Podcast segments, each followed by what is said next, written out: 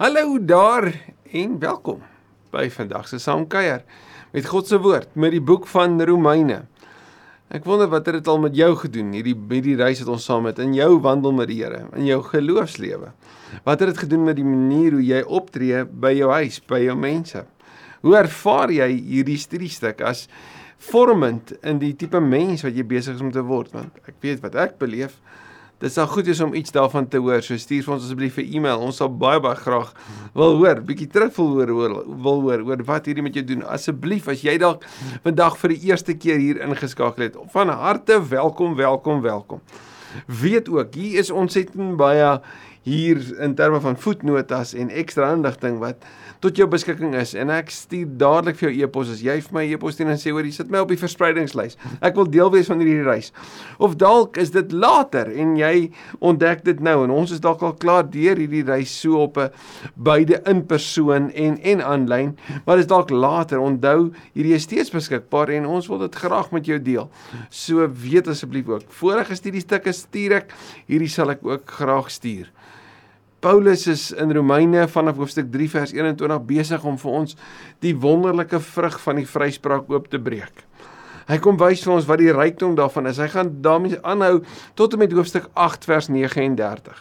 En terwyl hy dit so ooppak en oopbreek, het hy in hoofstuk 5 verlede keer se tweede deel het ons gesien het het het hy vir ons kom wys maar die vrug van die vryspraak is so so groot net soos wat Adam se sonde 'n effek gehad het op die mensdom soos wat Dawid sou sê in Psalm 51 ek is in sonde belaai oorlaai. Toe my moeder swanger geword het terwyl Dawid se bewustheid van die sonde was so geweldig groot geweest Paulus het ons daarvan af hoofstuk 3 het hy vir ons gewys hoe uit die Ou Testament uit keer op keer op keer die sonde in ons lewens sigbaar word. Ek bedoel in die manier hoe ons praat, hoe ons kyk, hoe ons doen dat geen mens homself kan red nie. En daarom Adam se se se sonde kan jy ook in jou en my lewe sien nie en dat dat dat ons daarom omdat ons die sonde as erfenis ontvang het en daarin deel ons God se straf verdien, maar in Christus Christus die groter as. Is daar 'n genade geskenk? Is daar 'n nuwe erfenis? Sê Romeine 5. In ons deel in daai erfenis en die genade is net soveel meer oorvloedig as wat die gevolg van sonde is. En met daai hoogtepunt, daai crescendo van kan jy glo dis hoe geweldig groot genade hierdie vrye geskenk is. Kom ons dan by hierdie baie belangrike hoofstuk 6 aan. Hoofstuk 6 wat vir jou my gaan vra maar as jy dan so vry is, hoe vry is jy werklik? En wat moet jy doen? En wat beteken hierdie vryspraak ook wanneer dit kom by die doop? Die een teks waar Paulus in diepte gaan en deel oor die doop en die betekenis daarvan want tot op hede was die beweging van die Christendom nie sodat jy 'n doopkursus gehad het voordat jy gedoop is of voordat jou gesin tot doop gekom het nie.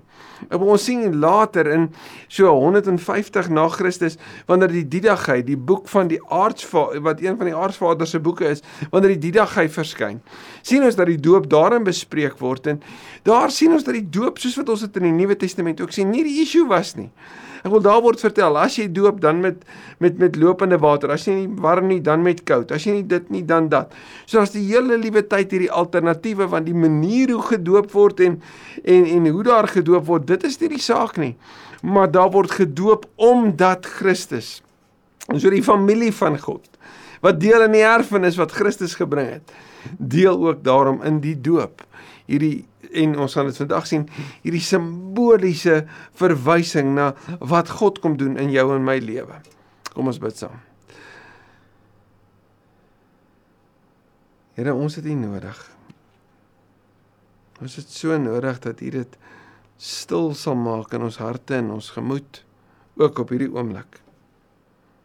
Stil sal maak om te hoor, te dink, te luister en te reflekteer stil te word. Choop stil. Met die diepe gebed kom praat met ons asseblief. Help ons om in gesprek te wees met die teks en dat die teks ook sal praat sodat ons ook in die teks u woord sal hoor. Help ons om verantwoordelik daarmee om te gaan.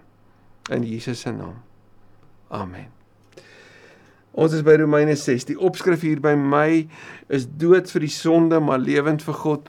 Paulus werk steeds daai drie fees wat ons tot op hede gereeld gesien het. Hy pak dit al hoe meer uit. Onthou jy die woord vryspraak, vergifnis en natuurlik verzoening en wat die impak daarvan is want dis die drie fees van verlossing wat ons in Romeine ontdek. Wat moet ons nou hiervan sê? Ek wil nadat hy gesê het, hy praat oor oor Adam wat in hierdie tuin van van van Eden hierdie selfsugtige keuse gemaak het en die effek daarvan Jesus in die tuin van Getsemane, ons selfsugtig in die vrugte daarvan. Wat moet ons nou daarvan sê, sê Paulus? Moet ons aanhou sonde doen sodat die genade kan toeneem? Nou hierdie is weer 'n retoriese vraag wat ons herinner aan hoofstuk 3 byvoorbeeld, nê, wat Paulus daarin kom sê het, maar daar's mense wat wat valslik agter ons dit in die mond lê dat ons sê dat my my my swakheid en my sonde wys jy so goed God is. Daarom moet ek mos nie gestraf word nie en dan wys hy op die belaglikheid daarvan. Wel nou sê weer eens by 'n retoriese vraag, want jy sou dit mos onmiddellik kon antwoord. Moet ons aanhou sonde doen sodat die genade kan toeneem? En die antwoord uit dit: Beslis nie. Dis eintlik asof hy wil sê obviously nie, nee, duidelik nie. Hoe hoe kan jy so 'n vraag vra? Maar dit is wat die gevolge sou wees van die mense wat sy opponente was wat met hom in debat sou wou wees. Beslis nie. Hoe kan ons wat dood is vir die sonde nog daarin voortleef? En hier is 'n kardinale belangrike punt vir jou en my om nie te vergeet nie. Wanneer jy na Jesus toe kom, dan gebeur daar iets met jou lewe. Paulus beskryf dit in Galasiërs 2 vers 19b en 20 wanneer hy sê ek is saam met Christus gekruisig. Wel Jesus het gesê as jy agter my aanstap, moet jy jou kruis opneem en my volg. So jy stap saam met hom aan tot by Golgotha. Daar saam met hom sterf jy. En soos wat Jesus op die 3de dag opgestaan het, so staan jy saam met hom op tot 'n nuwe lewe. So ek sterf, die ou ek sterf. Johannes 3 praat van 'n nuwe geboorte. Jy word nuut gemaak. 2 Korintiërs 5 vers 17. Ons is nuwe mense. So die nuwe mensheid waarvan die hele Efesiërs boek vir ons dit meer beskryf met hierdie nuwe manier van lewe en hierdie nuwe manier van verhoudings en die nuwe ingesteldheid en die nuwe manier van bid. Dit alles kom vanweë ek is nuut gemaak. Iets het met my gebeur. Ek dink anders, doen anders, fokus anders want ek is dood vir die sonde. Ek verklaar myself dood vir die sonde. So hy sê, hoe kan ons wat dood is vir die sonde nog daarin voortleef? As dit met jou lewe gebeur het, dat jy gesterf het, dan leef jy tog nie daarin voort nie. Dit is onmoontlik. Want onthou wat het Romeine 1:16 gesê? Ons moet nooit vergeet, dis die sleutel wat ons die res van Romeine die hele liewe tyd aan moet bind. Dat die krag van die evangelie, die dinamis is tot redding uit doodsgevaar vir elkeen wat glo. So wanneer jy glo, dan word jy uit die dood gered. Dood vir die sonde na lewe toe gebring, lewend vir God. Die vraag is natuurlik wees hoe vry? Hoe vry is ek dan? En dis wat Paulus hier aanspreek. Of weet julle vers 3 nie dat ons almal wat in Christus Jesus gedoop is in sy dood gedoop is nie. En natuurlik beskryf Paulus hier die doop op 'n simboliese manier. Nou hierdie woord doop het 'n baie baie interessante betekenis. Die eerste keer toe hierdie woord baptizo op baptizo, dit hang af uit watse skool jy uitkom met die uitspraak, maar toe hierdie eerste keer toe hierdie woord na vore kom, dit was 200 voor Christus, nie jaar 200 voor Christus en ek lees graag vir ons daaroor. James Montgomery Boyce beskryf dit as volg: The clearest example van hierdie woord baptizo that shows the meaning of baptizo is a text from the Greek poet and physician Nicander who lived about 200 years BC. It is a recipe for making pickles. Dis nou waarvoor hulle hierdie woord gebruik het. A recipe for making pickles and is helpful because it uses both the words Nicander says that in order to make a pickle, the vegetable should first be dipped. Dis baptoe, dis om net te doop soos wat ons met 'n beskuitjie sou maak, nê? Dipped into boiling water and then baptized, baptizo, dis immersed, nê, in the vinegar solution. So jy sou 'n 'n pikkel gevat het en dan neem jy dit en jy plaas dit binne in die kookwater en haal dit uit en dan sit jy dit binne in die asyn. Both verbs concern the immersing of vegetables in a solution. Nevertheless, the first, bapto, is temporary. The second, baptizo, hoor nou mooi, the act of baptizing the vegetable produces a permanent change. En hier is die belangrike. When used in New Testament, this word most often refers to our union and identification with Christ. Moreover that than uh, than to our water baptism.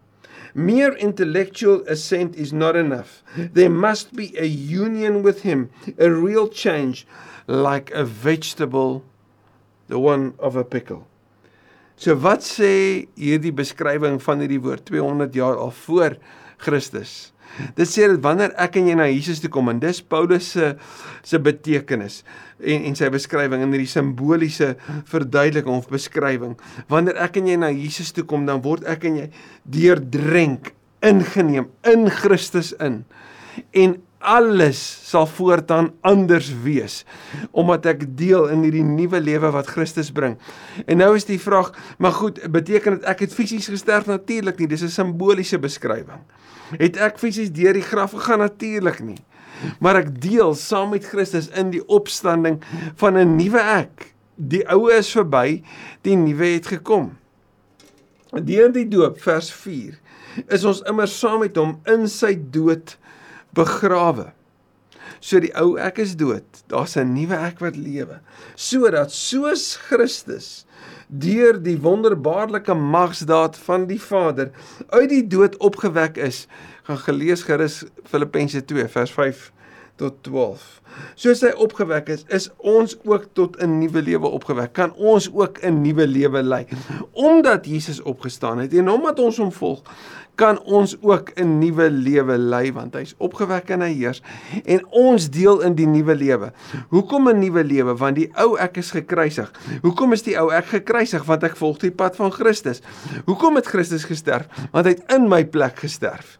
En as hy in my plek gesterf het, dan sterf ek vir hom want ek wil vir hom leef wat sy lewe vir my gegee het. Dis die kruks van die evangelie. Dis so so belangrik dat ek en jy nie hierdie punt sal vergeet nie. Jesus het in my plek vir my gesterf. Hy het in my plek die prys betaal wat ek nooit sou kon betaal nie. Jesus het 'n prys betaal wat hy nooit verdien het nie. Sodat ek 'n lewe kan kry, genade kan kry, hoop kan kry op iets wat ek nooit nooit sou kon verdien nie. Daarom het hy dit in my plek kom doen.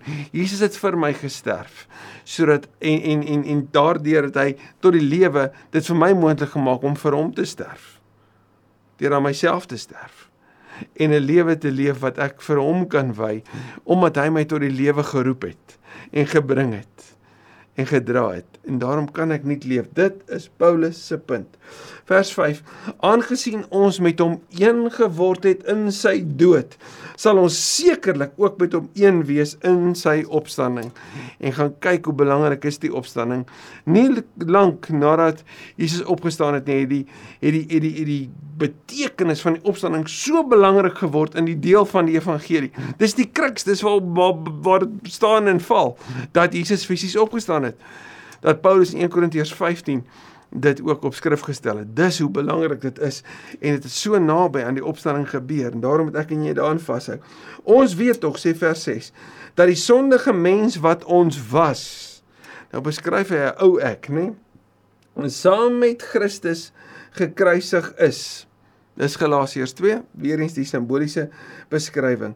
Sodat, hoekom het ek gekruisig sodat ons sondige bestaan beëindig kon word? Ons is dus nie langer slawe van die sonde nie. As Paulus sê ons weet die woord ginosko daar of ginosko verwys na meer as net kennis. Dit verwys na intense belewenis van 'n sekere wete. Ons weet dat die ek wat ek was is verby. En hier's daarom nou die belangrike. Ek kan dus nie teruggaan na die ou ek nie. Want die ou ek is dood. Ek kan nie meer vir die ou ek lewe nie. Ou ek is dood. Wat moet ek nou doen? Ek lewe vir Christus. Daarom is ek vrygekoop, losgekoop, vrygemaak van die mag van sonde, vrygemaak van die gevolge van sonde sodat ek nuut kan leef. Ek is vry daarvan om juis my lewe te wy. Iemand wat gesterf het is immers vry van die mag van die sonde. Nou dit sou fisies ook so wees, nê? Nee. Iemand wat vandag sou doodgaan, is vry van die mag van hierdie wêreld. Maar Paulus beskryf dit simbolies en daarom sal hy sê as jy gesterf het vir die weet in Christus gesterf het, die ou ek gekruisig het, dan is daar 'n nuwe ek wat opstaan en ek is vry daarom van die mag van die sonde. En as ek vry is, wat maak ek nou met my vryheid? Iemand sou kon vra, hoe vry is vry werklik? As so vry soos 'n vis in die water. Solank 'n vis binne in die water is, kan daai vis leef. 'n Vis kan nie ad infinitum gaan net waar hy of sy wou nie. Binne in die water kan 'n vis vrylik beweeg. Ons gaan nou sien hoe Paulus dit daarin neem. Ons het saam met Christus gesterwe, daarom glo ons ook dat ons saam met hom sal lewe. Hierdie vaste wete wat hy voorheen ook beskryf het.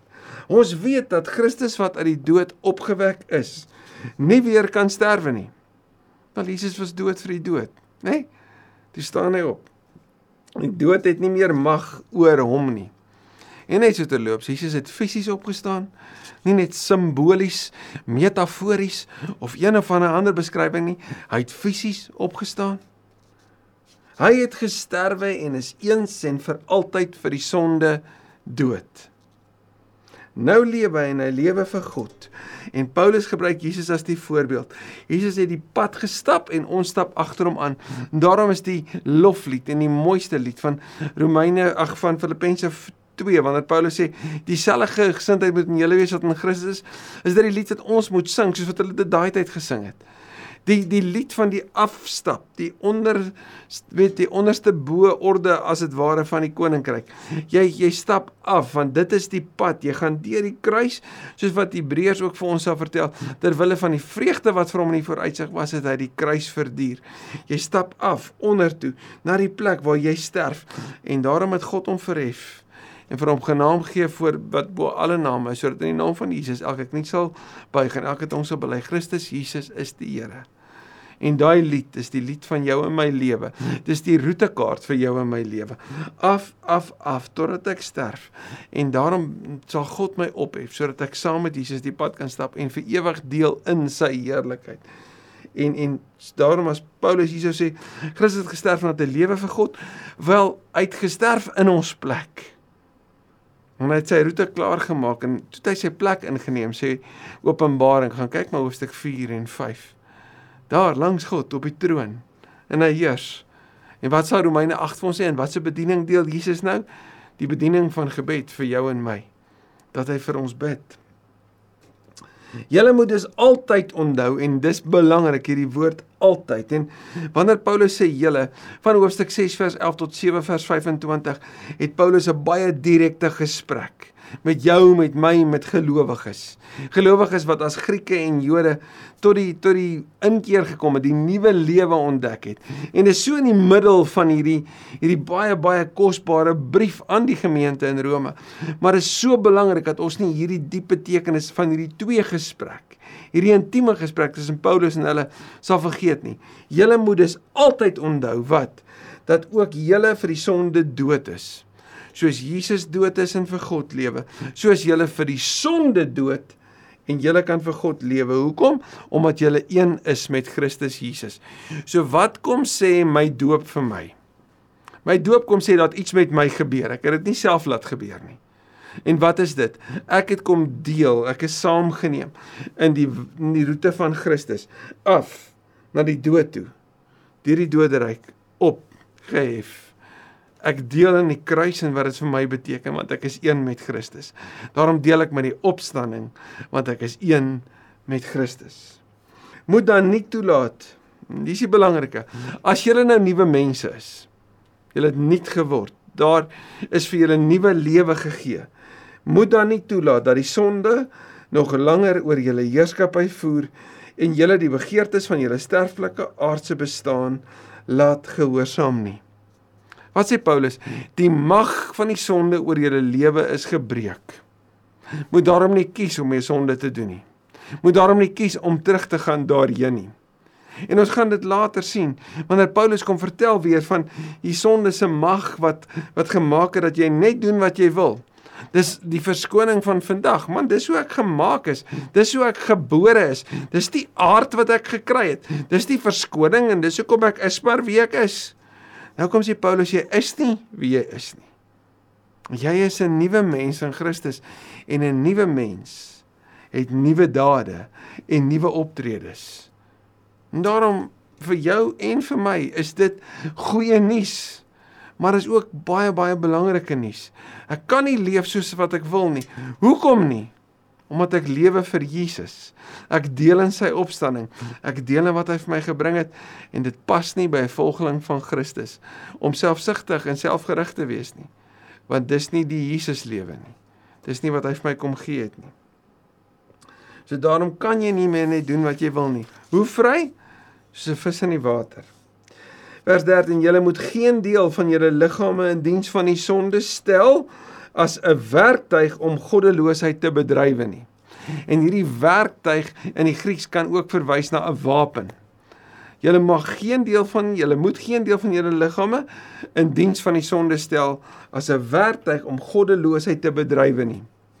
Jy sou dus kon sê my denke, my woorde, my gedagtes, my dade, my uitleef, my woorde wat ek tik, my boodskappe wat ek stuur, moet niks daarvan doen nie. Want jy's vry van die goddeloosheid, van die sonde. Daarom kan jy nie sê Romeine 1:18 tot 32 ek is maar 'n slagoffer nie. Nee nee nee. Jy's vry van al daai dinge. Nee. Stel julle in diens van God as mense wat dood was maar lewend gemaak is, soos wat hy dit nou net so mooi verduidelik het. En stel elke deel, elke wapen sal sommige sou sê, every member sal die Engelse sê, elke deel van julle liggame in diens van God as werktuig om te doen wat God wil. So ek en jy het 'n keuse. Dis hoe vry ons is. Ek kan kies om my lewe te gee vir die goddeloosheid en die sonde. En Jesus het betaal sodat ek vry kan wees daarvan, van die mag daarvan en ek kan kies om te sê nee, daar's 'n ander opsie, daar's 'n alternatief. En wat is dit? Ek kan my lewe gee om dit te wy aan wat God wil. En wat God wil bring lewe. Wat die goddeloosheid doen bring die dood. En dit is die wonderlike nuus van die vrymaking van die evangelie. Vers 14 is die opsomming hiervan. Die sonde moenie meer baas wees oor julle lewe nie want julle staan nie onder die wet van Moses nie maar onder die genade. Jy's vry. Jy's vry van die wet van Moses wat die sonde in jou na vore bring wat sy wysheid te redder nodig. Jy het gedraai na Christus toe. Jy's skoon gewas vergewe. Deur geloof is jy gered. Net deur genade alleen. Nou dat dit met jou gebeur het nou dat jy gedeel het in die dood en die opstanding van Christus nou dat jy 'n nuwe mens gemaak is is jy vry van wat agter is. En by 'n nuwe mens pas nuwe gewoontes. Daarom moenie terugval in die verskoning. Sal Paulus vir jou en my sê dat ek kan maak soos wat ek wil nie, want ek kan nie. En ek wil nie, want dit pas nie by 'n nuwe mens in Christus nie. Dankie Here dat u woord in hierdie kosbare evangelie van van Paulus as dit ware as ek dit so sou kon opsom en kon noem hierdie boek aan die gemeente in in Rome dat dit geskryf kon word vandag vir vir ons wêreld vandag. Ek bid sodat dit wat U vandag vir ons kom gee, dit wat ons wil saamvat op hierdie reis vorentoe voordat totdat ons mekaar weer op hierdie platform sien, bid ek sodat ons sal nadink daaroor en regtig ons vryheid met verantwoordelikheid sal gaan leef tot U eer. Jammer dat ons dit by tye vergeet. By tye nie doen nie. By tye leef asof ons nog slawe is van die sonde. Dankie dat U die mag daarvan gebreek het. Mag ons daaruit leef in Jesus se naam. Amen. Amen. Ek hoop so jy het 'n besondere mooi week.